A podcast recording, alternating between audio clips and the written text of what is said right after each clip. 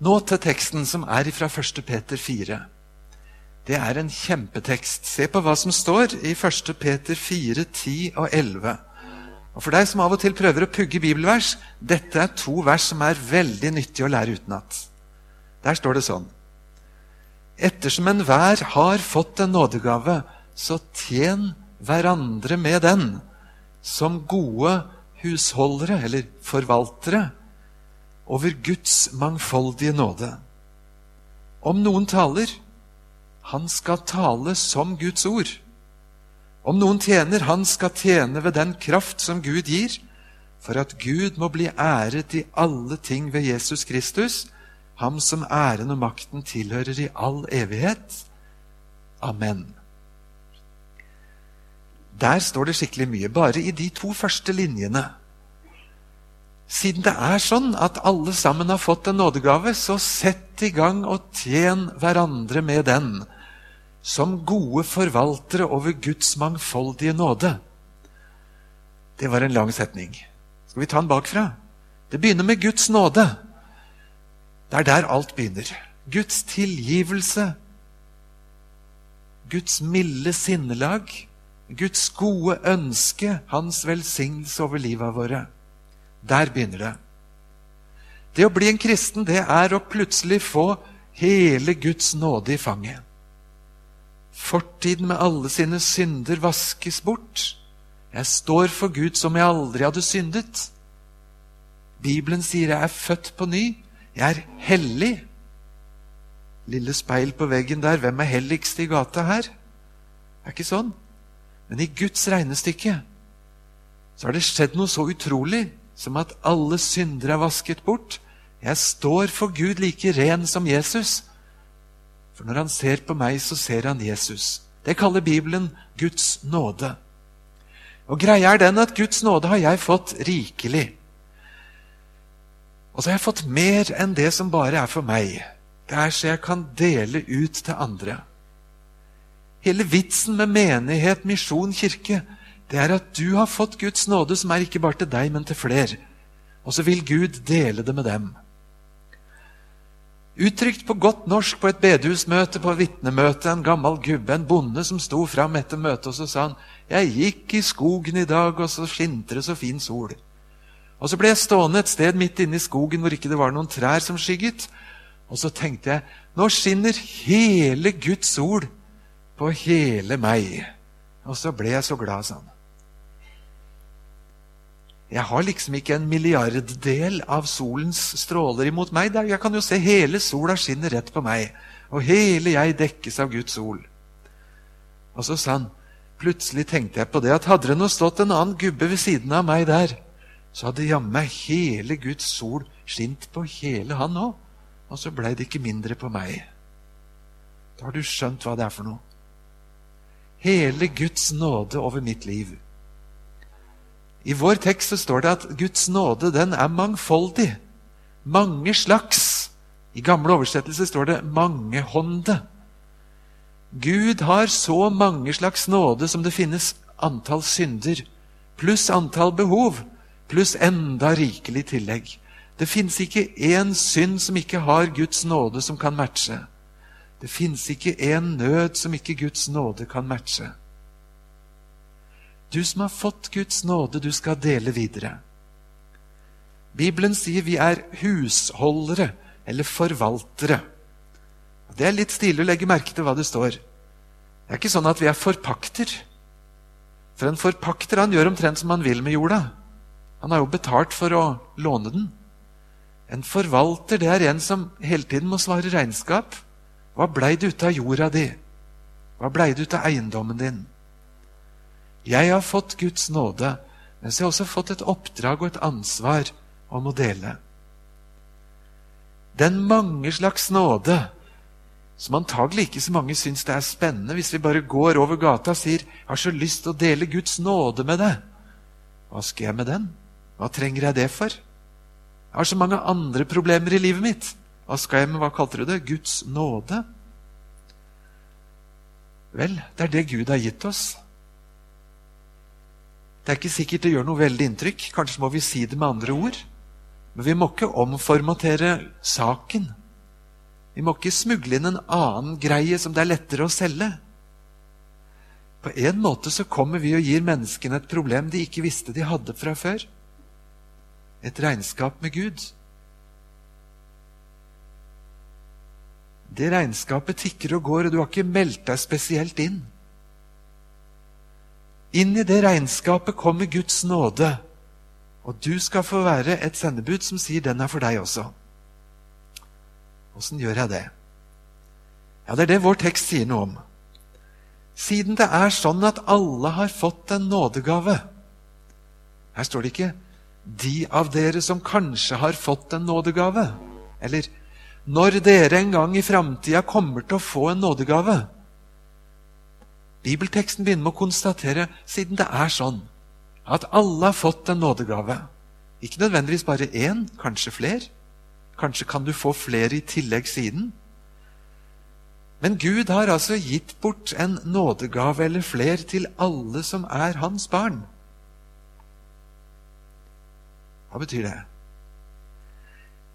Har du prøvd å oversette selve ordet nådegave til engelsk? Hva ville du sagt da? Oh, I'm so very happy to have received a grace gift. Hører du hvor rart det høres ut? A grace gift. Nåde pluss gave. Det heter ikke det på engelsk og ikke på noe annet språk heller. På gresk heter det charisma. Det betyr rett og slett 'det derre nåde'. Det derre nådegreiene. Nådesaken. Det er rett og slett bare å lage et substantiv av ordet nåde. Siden alle sammen har fått en sånn nådesak, da hører du at det ligger liksom en gave i selve oppdraget. Det er en gave og en oppgave. En oppgave er også en gave som står i en sammenheng. Bibelen sier et sted at, eller to steder at en menighet er som en stor kropp med mange forskjellige lemmer. Og så blir det ikke noe skikkelig kropp uten at lemmene samarbeider. Og da er det noen som virker spennende, andre virker bortgjemt. Alle har lyst til noe, ikke så mye til noe annet. Og Derfor så står det at vi må prøve å se på helheten, og ikke akkurat framheve oss selv så veldig, veldig. På fjellet var det en som kom til kollega Arne Helge og sa det at jeg syns ikke jeg får til noe av det der, ja, men uh, hvis jeg nå er på kroppen, tror jeg kanskje jeg, kanskje jeg kan få være en blindtarm. Men så sa han etterpå Arne Helge trodde ikke det sto noe om blindtarmer i Bibelen, så det er vel ikke det heller, da, sa han. Men kanskje Gud likevel har noen tanker for hva vi skal gjøre, om vi kjenner oss i beste fall som en blindtarm, en blindvei, noe til over som bare henger der. Kanskje Gud ikke hadde tenkt det så passivt. Det står et sted i 1. Korinterbrev 1426 noe som kanskje kan høres ganske heftig ut. Hvordan er det da, brødre, når dere kommer sammen? Da har hver enkelt av dere en salme, en lære, en åpenbaring, en tunge eller en tydning. La alt skje til oppbyggelse. Hver enkelt av dere. Wow! Betyr det at det er allmenn vitneplikt? mange år siden så kom det en fyr fra disse traktene til Fjellhaug for å gå på misjonsskolen. og så Første lørdag så gikk han i misjonshallen. Mot slutten av møtet så ga de ordet fritt til vitnesbyrd, og det var mange hundre mennesker der. Altså Kjentene begynte å dunke sånn. Å, han hadde ikke lyst til å ta ordet sånn første gang han var i den nye menigheten. Men etter en god stund å kjempe inni seg, så liksom reiste han seg forsiktig og så rett ned og sa jeg, jeg hadde ikke tenkt å si noe her i kveld, sa han. Og Plutselig fikk han se at det var en annen fyr litt lenger borte som hadde begynt på vitnesbyrdet sitt, han òg. Han var litt mer kommet inn i det, så han bare huka seg ned. Og så plutselig var vitnemøtet over da da han andre var ferdig, så han fikk ikke liksom reist seg igjen. Han dro de hjem fra misjonssalen, og så sier en annen av misjonsstudentene til han at du Jeg hadde heller ikke tenkt å si noe på det vitnemøtet, men det er ikke sånn i byen at du er nødt til å reise deg for å si at du ikke hadde tenkt å si noe.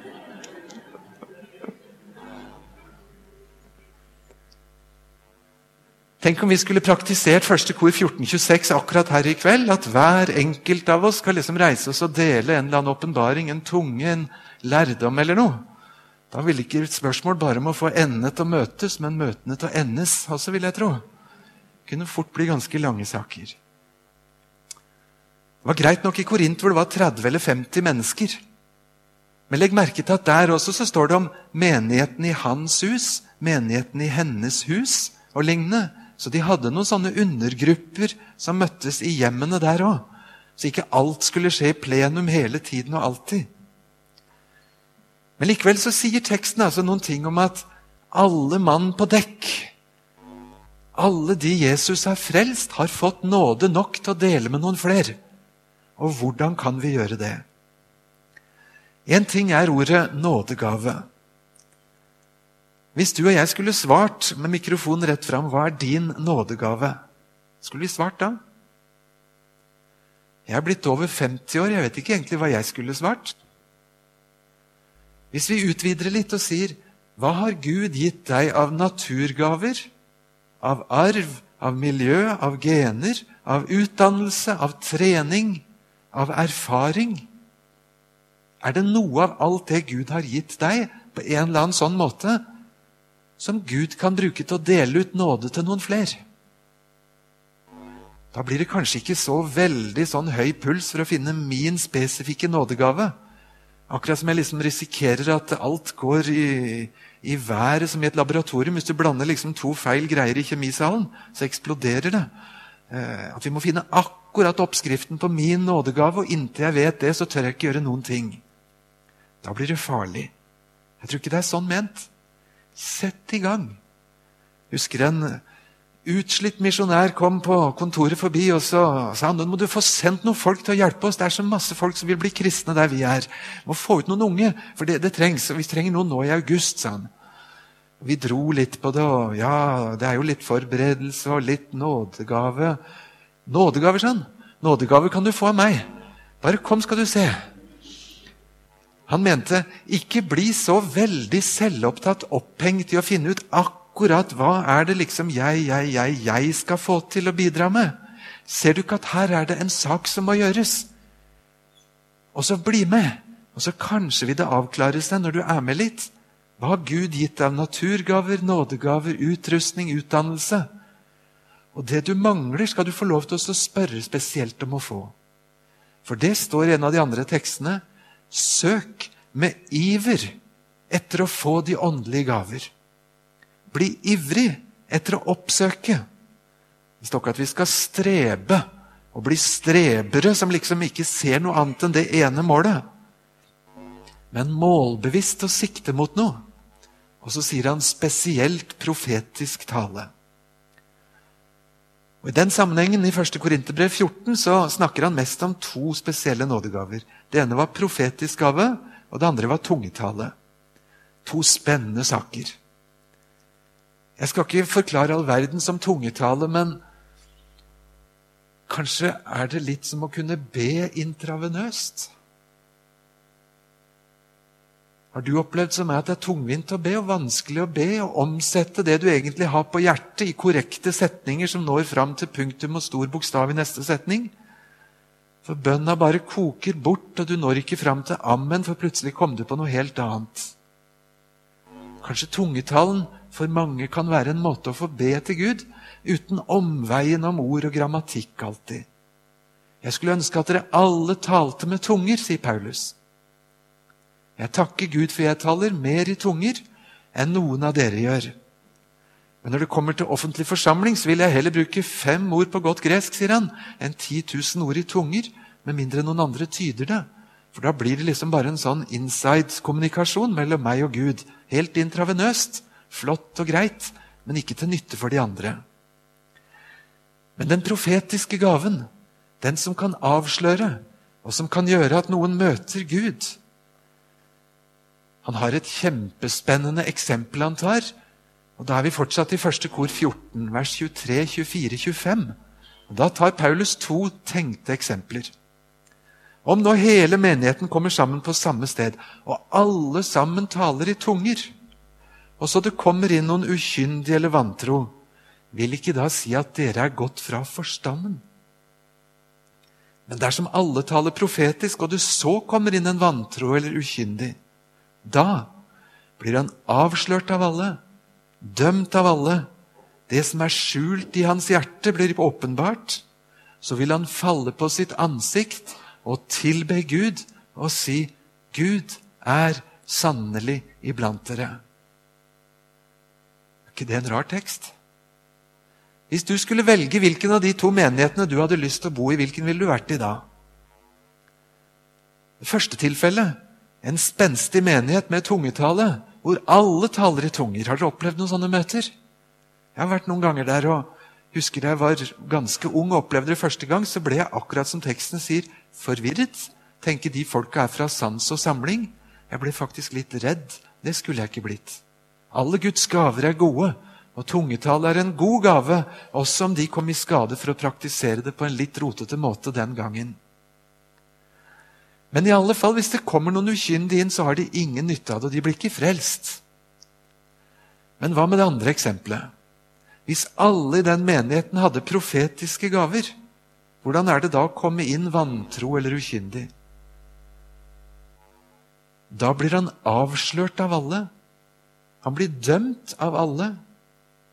Alt gørret som er skjult i hjertet, det blir plutselig helt åpenbart.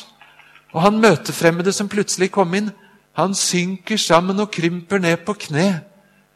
Og så sier han, 'Gud er sannelig iblant dere'. Høres det bra ut? Er det en attraktiv menighet? Har vi lyst til å gjøre det til et mål for menigheten vår? At det skal bli sånn at vantro mennesker går rett i bakken fordi hjertets innerste synd blir avslørt. Jeg kjenner også litt på reservasjonen. Jeg har lyst til å være vennlig, mottagelig, høflige, snille, bekrefte folk. De har nok annet å stri med før om ikke liksom syndene skal komme på toppen og regnskapet skal bli en plage for dem. Jeg tror Paulus hadde skjønt hva vi mener. Men innersida er faktisk det at å bli frelst det er å bli avslørt helt til bånns. Sånn at det blir et kjempeproblem. Og hvor jeg til slutt ikke har annen redning enn at Jesus tilgir hele greiene. Ved å ta syndene på seg og bære de vekk. Og så står jeg tomhendt tilbake hva synd angår. Men med fanget fullt av Guds nåde. Det er bra, det, sier Paulus. Og så sier han Søk med iver etter åndelige gaver, spesielt etter sånn profetisk gave. Så alle sammen må ha det på den måten. Det betyr at nådegaver det er ikke bare å være smilende flyvertinner.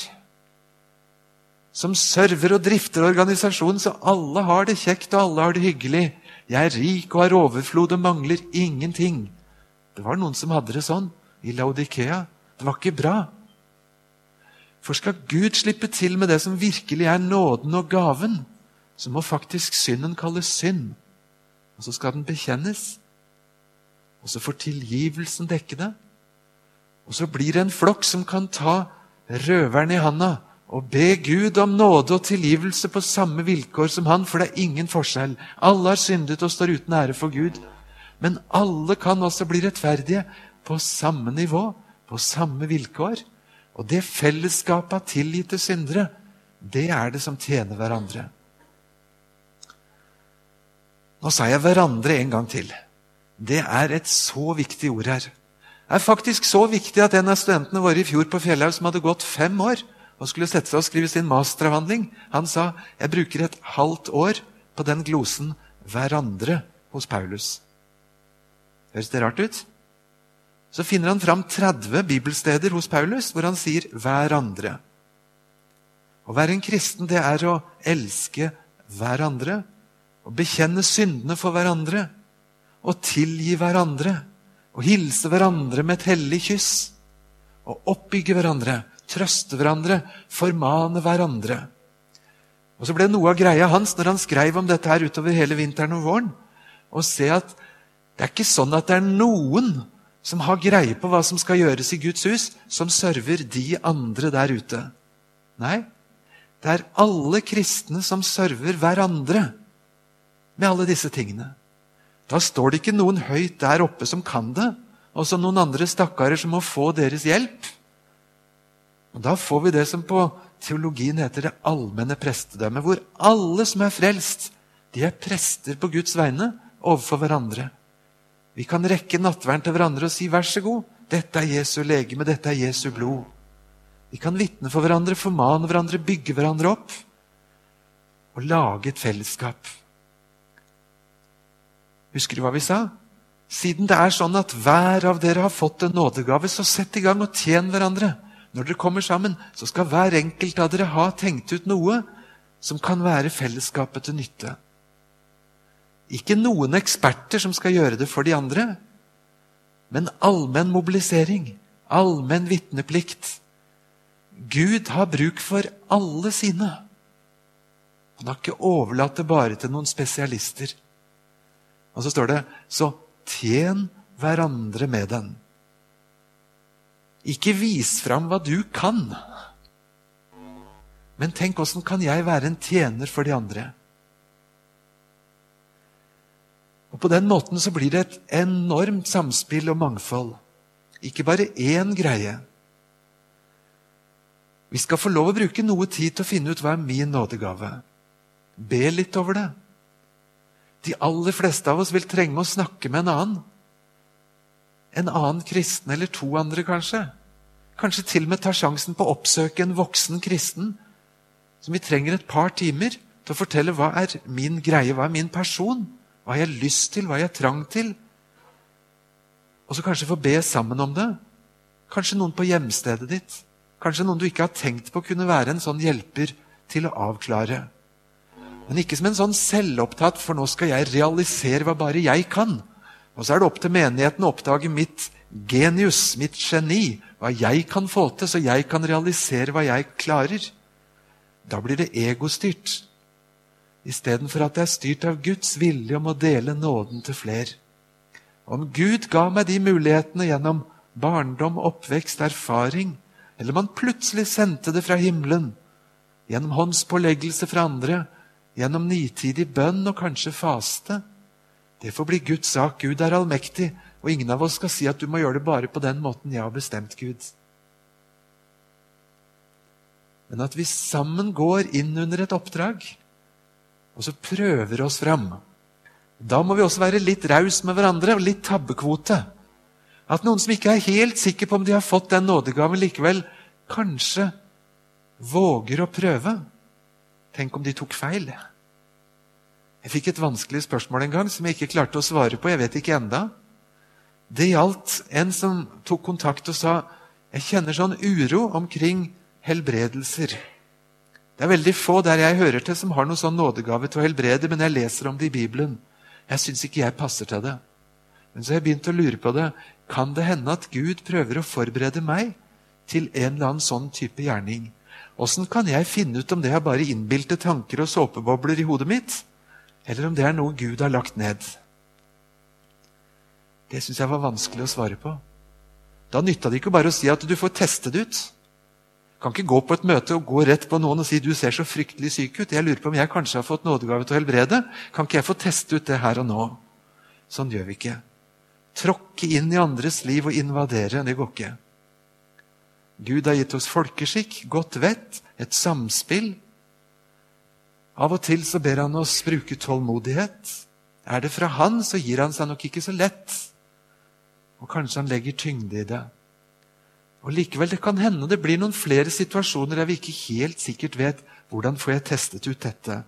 Men i alle fall Legg forresten merke til at når det gjelder nådegaver til å helbrede, så står det plutselig flertall. De andre nådegavene står i entall. Men her står det nådegaver til helbredelser. Kanskje Gud har forskjellige slags nådegaver i møte med forskjellige slags sykdommer. Kanskje er det ikke sånn at én skal dekke alt. Sånn er det jo ikke i skolemedisin heller. Gud vet nok hva han gjør, og hvordan han vil ha det. Ser vi noe av poenget her? En menighet er en svær greie. Den må brytes ned i noen mindre enheter. Litt spesifiserte oppgaver. Og så er det en sak mellom Gud og deg. Hva kan jeg om mulig være med på? Hva kan jeg få bidra? Jeg forvalter Guds nåde. Folka rundt meg trenger det veldig, men de skjønner det ikke selv. Men kanskje de etter hvert vil skjønne det. Jeg må i hvert fall sette i gang og forsøke å melde meg villig. For Legg merke til at i Bibelen så står ikke nådegaver så mye om å kunne, klare, som å ville. Den største hindringen for at vi tar i bruk nådegaven, er kanskje mer at ikke vi vil binde oss, forplikte oss, heller enn at ikke vi makter det. Og når vi ikke makter det, så får vi lov å komme 24-7 til Gud. Den som mangler visdom, han skal få be.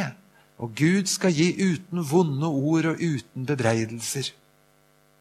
Og så er det spennende å leve med Jesus. Forrige helg møtte jeg en mann på over 80 år som rakk å bli omtrent 70 år før han fikk en nådegave han aldri trodde han skulle få. Er ikke det stilig? Gud fortsetter å jobbe med noen langt opp i alderdommen og utruste de på måter de ikke trodde selv, og som de kan få lov til å tjene Gud med masse inn imot alderdom, f.eks. Gud kan, og så spør han etter noen som er villige. Og så vil han at vi skal løfte blikket litt høyere enn bare å se den umiddelbare verden rundt oss, så vi kan se mennesker som er født på andre siden av det gjerdet der Guds ord er kjent. Så noen kan reise og klatre over gjerdet til dem som aldri har hørt evangeliet, for å dele det med dem. For Guds rike vil ikke ha noen grenser. Det er vi som finner på grenser. Gud har satt oss i en stor, stor sammenheng.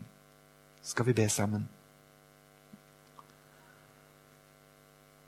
Kjære gode Gud, først og sist takk for din nåde. Takk for din tilgivelse for mine synder. Takk for at din nåde er så mangfoldig at den treffer all verdens muligheter og behov. Hjelp oss, Jesus, å sette den i omløp og dele den med fler. Se til alle folka som er her nå i kveld, Jesus. Gjør det sånn at en og en av oss kan spørre deg ærlig, helt for oss selv. Hva vil du bruke oss til? Gjør oss villige, Jesus. Og det vi mangler av nådegaver, kan du utruste dem med det, som kan tjene deg på de måtene. Og så ber jeg om at du må åpne noen dører til mennesker som trenger oss, her i byen, Jesus, helt til jordas ender.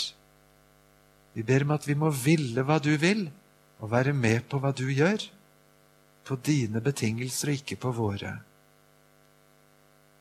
Så vil vi få be deg for alle de som hver av oss kjenner Jesus, særlig de som har det vanskelig, med sykdom fysisk eller psykisk, med veikryss der de ikke vet høyre eller venstre, med ting som har floka seg til. Jesus, du er en verdensmester med alle slags floker. Og vi ber om at du må slippe til med nåde og med utfrielse for alt som floker seg til. Sånn får vi be i ditt navn. Amen.